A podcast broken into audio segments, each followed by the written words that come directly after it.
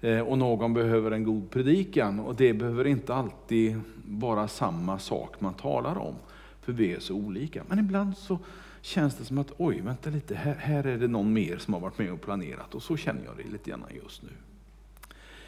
Jag ska tala för er utifrån ett bibelställe som eh, 1982, du vet det är länge sedan, det är 40 år sedan jag talade över det bibelstället för första gången.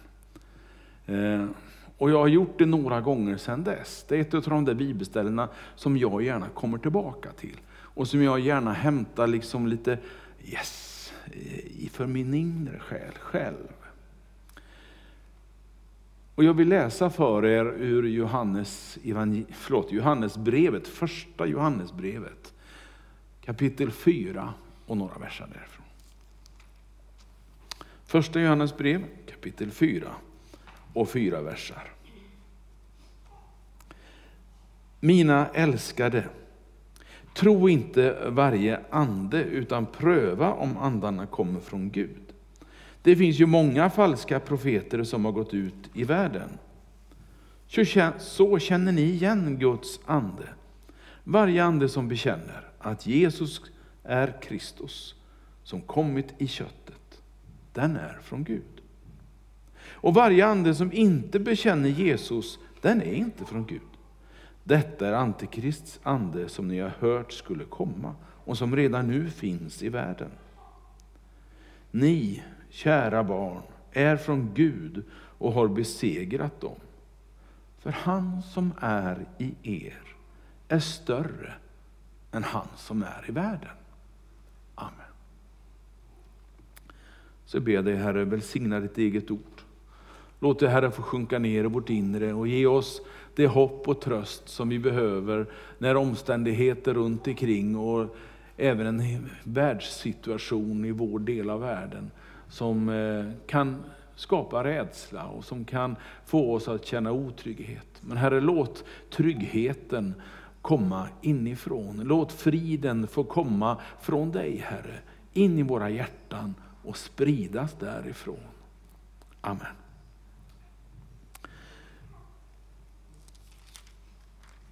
Rubriken på det här kapitlet i min översättning det är Pröva andarna. Och det låter ju väldigt diffust för den som inte är van vid Bibelns sätt att uttrycka sig. Men jag tänker inte bara andarna, du vet någonting som flummar omkring i, eh, i luften. Eh, utan jag tänker mig det här som kanske lite förkunnelse, kanske lite eh, vad folk säger och tycker. Ehm, lika väl som att jag faktiskt tror att det finns en andevärld som vi inte kan se och ta på. Men, men här tror jag att det gäller både och. Eh, och egentligen så är det den sista versen som jag läste, den sista, två sista raderna. Han som är i er är större än den som är i världen. Det där läste jag för mig själv i den församling som jag tjänade då på drygt 600 medlemmar. Och tänkte, hur ska det gå? en liten pojk från Kungälv, hur ska jag klara det här?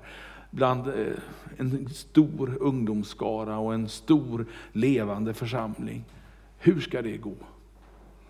Och då fick jag det här bibelstället gång på gång sen. Han som bor i dig Bengt är större än han som bor i världen. Den kraft som Jesus har gett till mig och till dig som tror på honom är större än det som finns utanför oss. Det som finns runt omkring oss. Förra veckan så predikade jag om ett levande hopp. Och idag så kommer jag ge dig en anledning då till varför jag tror att det finns täckning bakom mitt levande hopp. Han som bor i oss.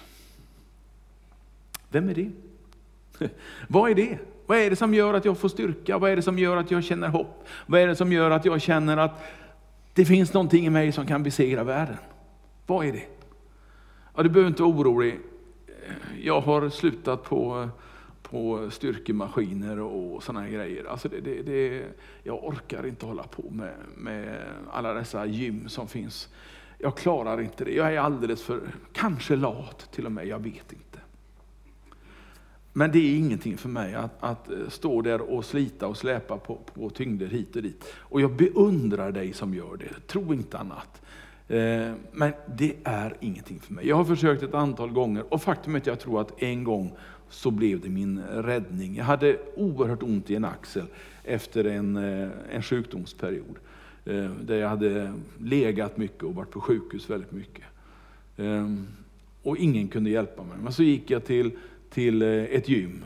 Och han som satt där i rullstolen själv, han sa att jag ska hjälpa dig, sa han. Och så la han upp ett program under den hösten så hade vi som mål att jag skulle lyfta mitt barnbarn. För jag klarar inte av ens att lyfta en liten mjölk.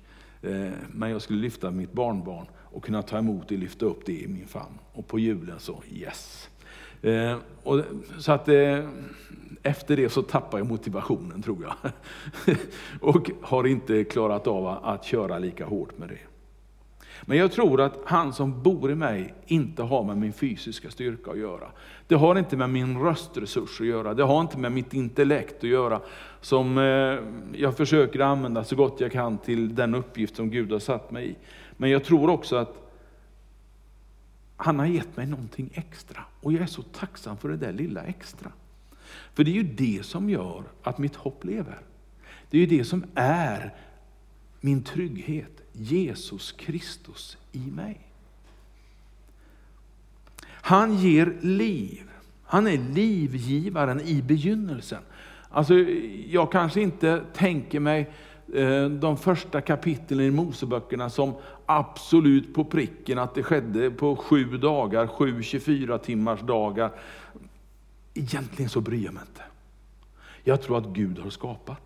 Jag tror att Gud har skänkt liksom kraften i skapelsen.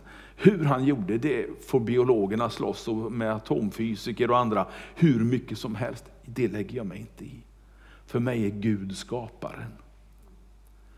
Och vi kan forska och leta och komma på nya grejer. Om du pratar med min pappa som levde som eh, född på 20-talet, så hade han en världsbild som vetenskapen kunde. Eh, och den världsbilden har förändrats. När jag föddes så skickade de upp den första Sputniken eh, och de kom på att, eh, ja just det, så ser det ut. Eh, och fick det belagt. Men det är inte så enkelt alla gånger att tro på vad vetenskapen tycker och tänker. Så min tro den ligger först och främst i Guds ord och i att Jesus finns i mig. Han som bor i mig, han ger mig inte bara kraft, han har också förlåtit min synd, undervisar Bibeln mig. Allt det där som, jag har grejer som jag bär på, eh, det gör väl ingenting om man berättar någonting i alla fall. Jag tror att alla har det här någonstans. Grejer som man gör fel, som man inte glömmer. Ja, det är jag och Thomas i alla fall, och några till. Ja, det är bra. Eh, jag tror att det är så, att jag har grejer som jag gjorde när jag var bra mycket yngre än vad jag är idag. Och som blir helt fel. Och det, jag glömmer det inte, jag blir påmind om det ibland. Men jag har aldrig tvekat om att min synd är förlåten. Och de gångerna jag ber om förlåtelse till människor så tror jag på deras förlåtelse också. Men den Gud som sände sin son till jorden för att han älskade sin skapelse så mycket, för han älskade människan, dig och mig. Jag tvivlar inte på hans kraft att förlåta. Hans kraft att ta hand om det i mitt liv som inte har blivit bra. Jag kan till och med gå så långt i den här texten att det låter som att han har besegrat världen. Vad är världen? Ja, du, det där går att fundera på ganska mycket. Utan att dra allt för stora växlar, så tänker sig Nya Testamentet världen det som är utanför församlingen. Eh, och därmed är inget dåligt sagt om världen. Därmed är inget värdering av det ena är bättre, vi är bättre än någon Inget sånt finns det i Nya Testamentet. Utan det är mer ett sätt att förklara att den som tror har någonting mer än den som inte tror. Den kyrka som sätter sin tillit till Jesus Kristus, till den helige Ande, har någonting mer än alla andra föreningar på vår jord. Alla andra sällskap och alla andra som har någon anledning att mötas, saknar Jesus Kristus. Saknar han som är starkare än världen.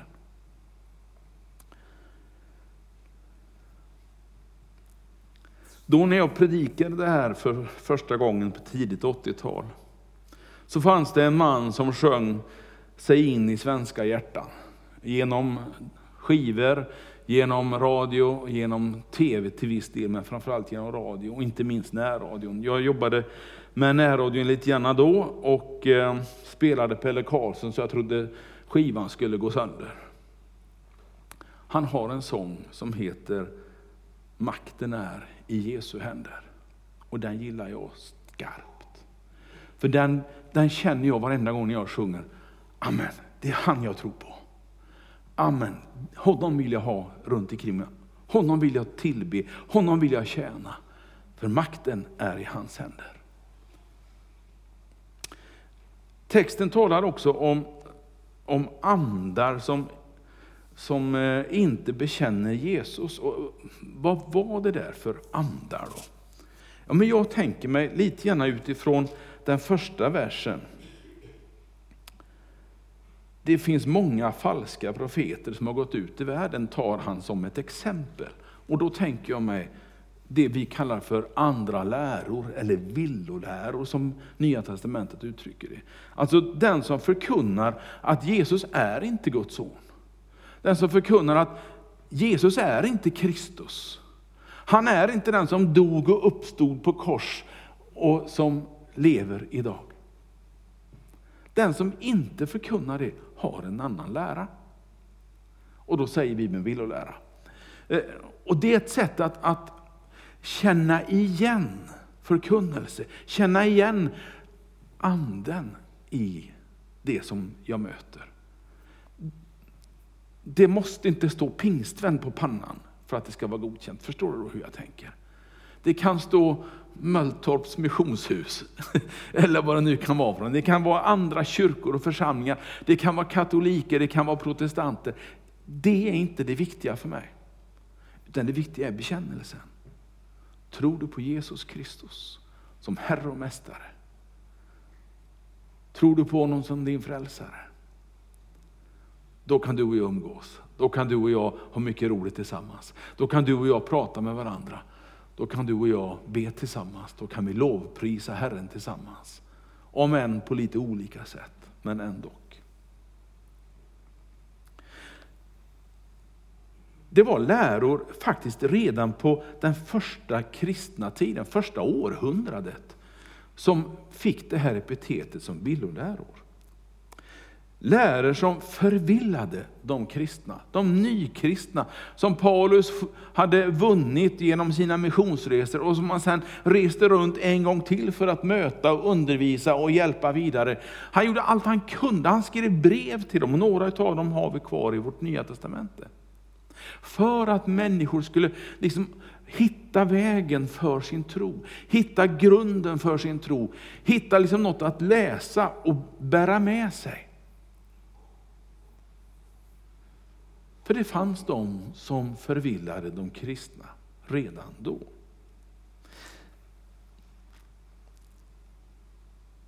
Det finns, jag vet ju, jag har ju precis som du gått i skola. Vi har ju lärt oss om olika religioner, eller hur? Och jag vill inte nedvärdera en annan religion, men jag kan inte säga att, att det är den jag vill tro på. Jag tror inte de har sanningen.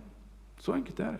Har man inte Jesus Kristus så har man inte den sanning som för en närmare Gud. Om det är målet.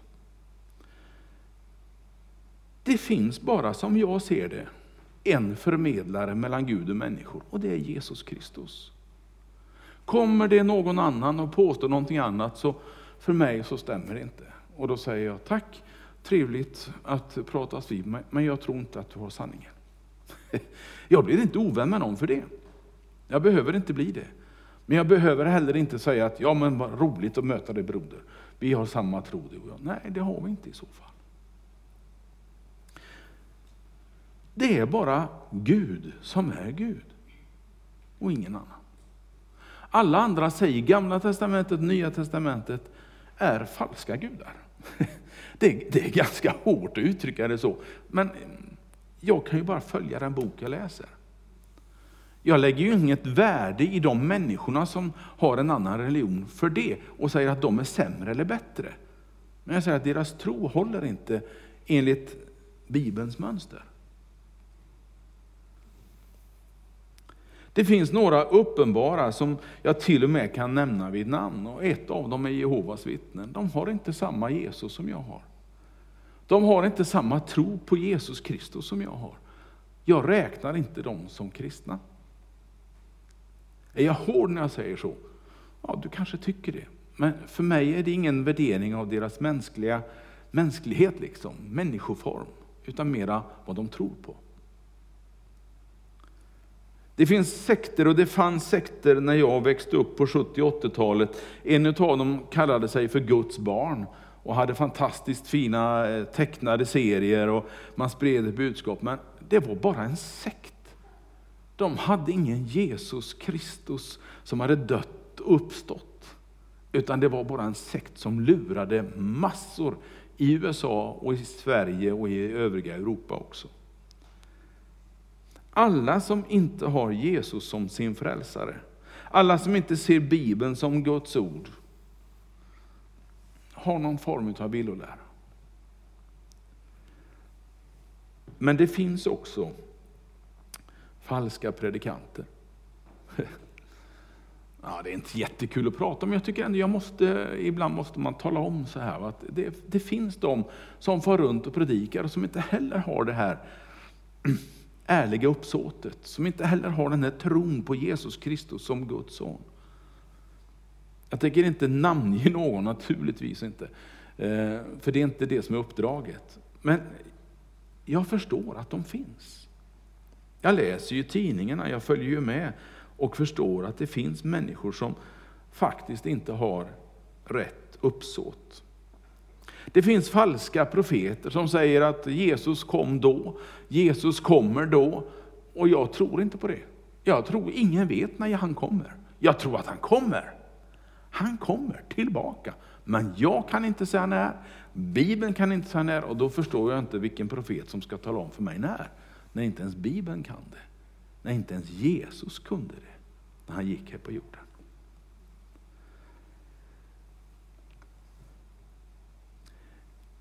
Bland villolärarna så drog jag till med en till igår, och där ska jag sluta med villolärarna. Och det var alla de här som far omkring och säger att gå inte och vaccinera dig, tro inte på pandemin. För mig är det villolärare. Har ingenting med tro att göra, jag vet det. Det har ingenting med Jesus att göra. Men det finns kristna som säger samma sak, och jag förstår det. För mig går det inte ihop. Kristen tro är sanning. Om jag inte håller mig till sanningen, så blir det konstigt. För mig är pandemin verklig. För mig är vaccinet helt okej okay att ta och till och med bör ta. Jag önskar att ni alla tar de vaccinmöjligheter vi får. Och de som säger någonting annat blir för mig då inte sanna villolärare. Ja. Vi behöver inte dra det djupare än så, eller hur?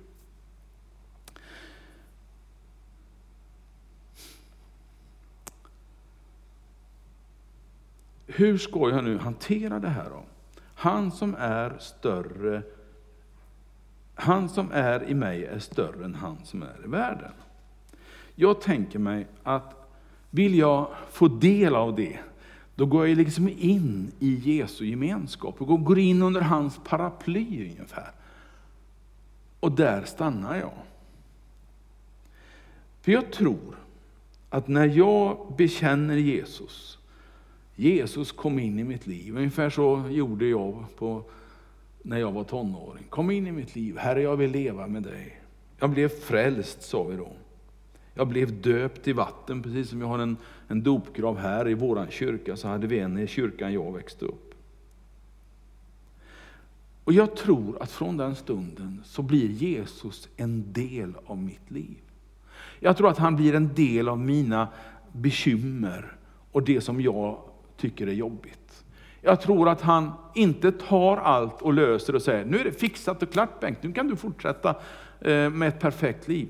Jag tror att han blir, han blir en del av mig och den styrka som jag får för att hantera de här jobbiga sakerna. Han blir aktiv på något sätt i mina problem. Han tar dem som om det vore hans.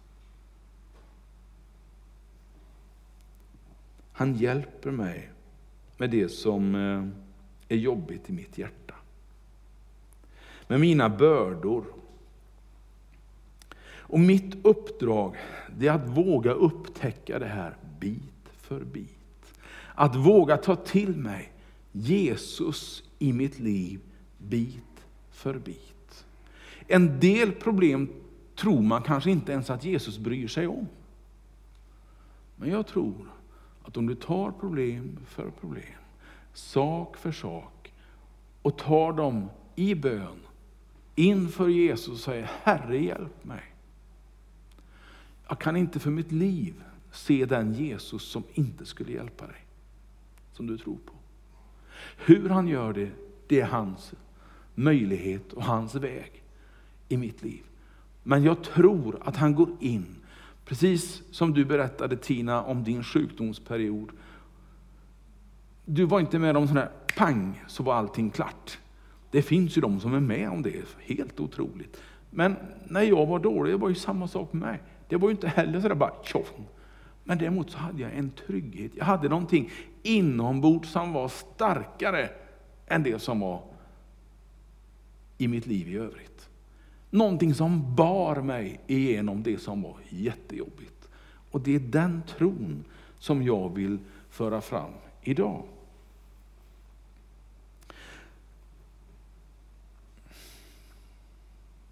Jag tror att om du börjar med ditt ja till Jesus och sen fortsätter med att läsa bibelboken. Nu har jag en sån här studiebibel så det är lite mer än Guds ord i den. Det är lite förklaringar hit och dit också. Men om vi tar bibelböckerna som sådana, så tror jag att läs dem. Börja med evangelierna. Fortsätt med några utav breven, apostlagärningarna. Börja sen att titta lite grann på gamla testamentets fantastiska berättelser och en del berättelser också. Eller hur? Det får du erkänna att det är inte enkelt alla gånger. Men jag tror att det är till för att hjälpa dig i livets alla situationer. Engagera dig med andra kristna. Släpp inte kontakten med andra kristna för att du får det jobbigt och besvärligt. Släpp inte kontakten med andra kristna för att du tycker att de är jobbiga och besvärliga. Ja, men du vet, då, då hade man ju som pastor slutat för länge sedan och, och tro på Jesus. För man möter ju människor som, som eh, mm, just det. jag ska inte gå närmare in på det heller. Eh, men jag tycker att det här är viktigt. Jag tycker det är viktigt att behålla kontakten med en levande tro, med en gemenskap. Sen vilken kyrka du är med i, ja men det är klart jag önskar att alla ska vara med i Pingstkyrkan i Tibro. Självklart, det är ju här jag jobbar. Jag kan inte säga annat, men jag fördömer ingen som går med i en annan kyrka, utan önskar bara Guds välsignelse. Det viktiga är att du engagerar dig någonstans med din tro. Jag säger inte att du ska eh, bli någon städprofet, men du ska engagera dig med det du kan och det du gör och det du vill. Låt din tro få bli handling. För utan handling så blir tron kraftlös, säger Jakob i ett brev. Lösningen finns alltså inombords, på dig som tror. Låt den tron få leda dig framåt.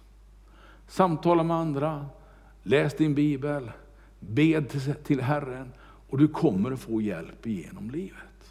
Och ser du den inte i nuet, det är inte alltid vi gör det, så kommer du att se den när du tittar i backspegeln. Ah, kolla där var vi. Tack Gud, tack att du var med. Då kommer du också få kraften att ta itu med det som är utanför ditt liv och din värld. Tack för att du har lyssnat en stund. Tack Herre för att vi får lovprisa dig och eh, tackar tacka dig för kraften i ditt namn. För kraften i tron på dig som du har planterat i våra hjärtan. Jesus kär, låt den få växa, låt den få frodas Herre, genom både sorger och besvärligheter. Genom saker vi inte kan styra över. Låt tron få näring och växa i våra liv. Amen.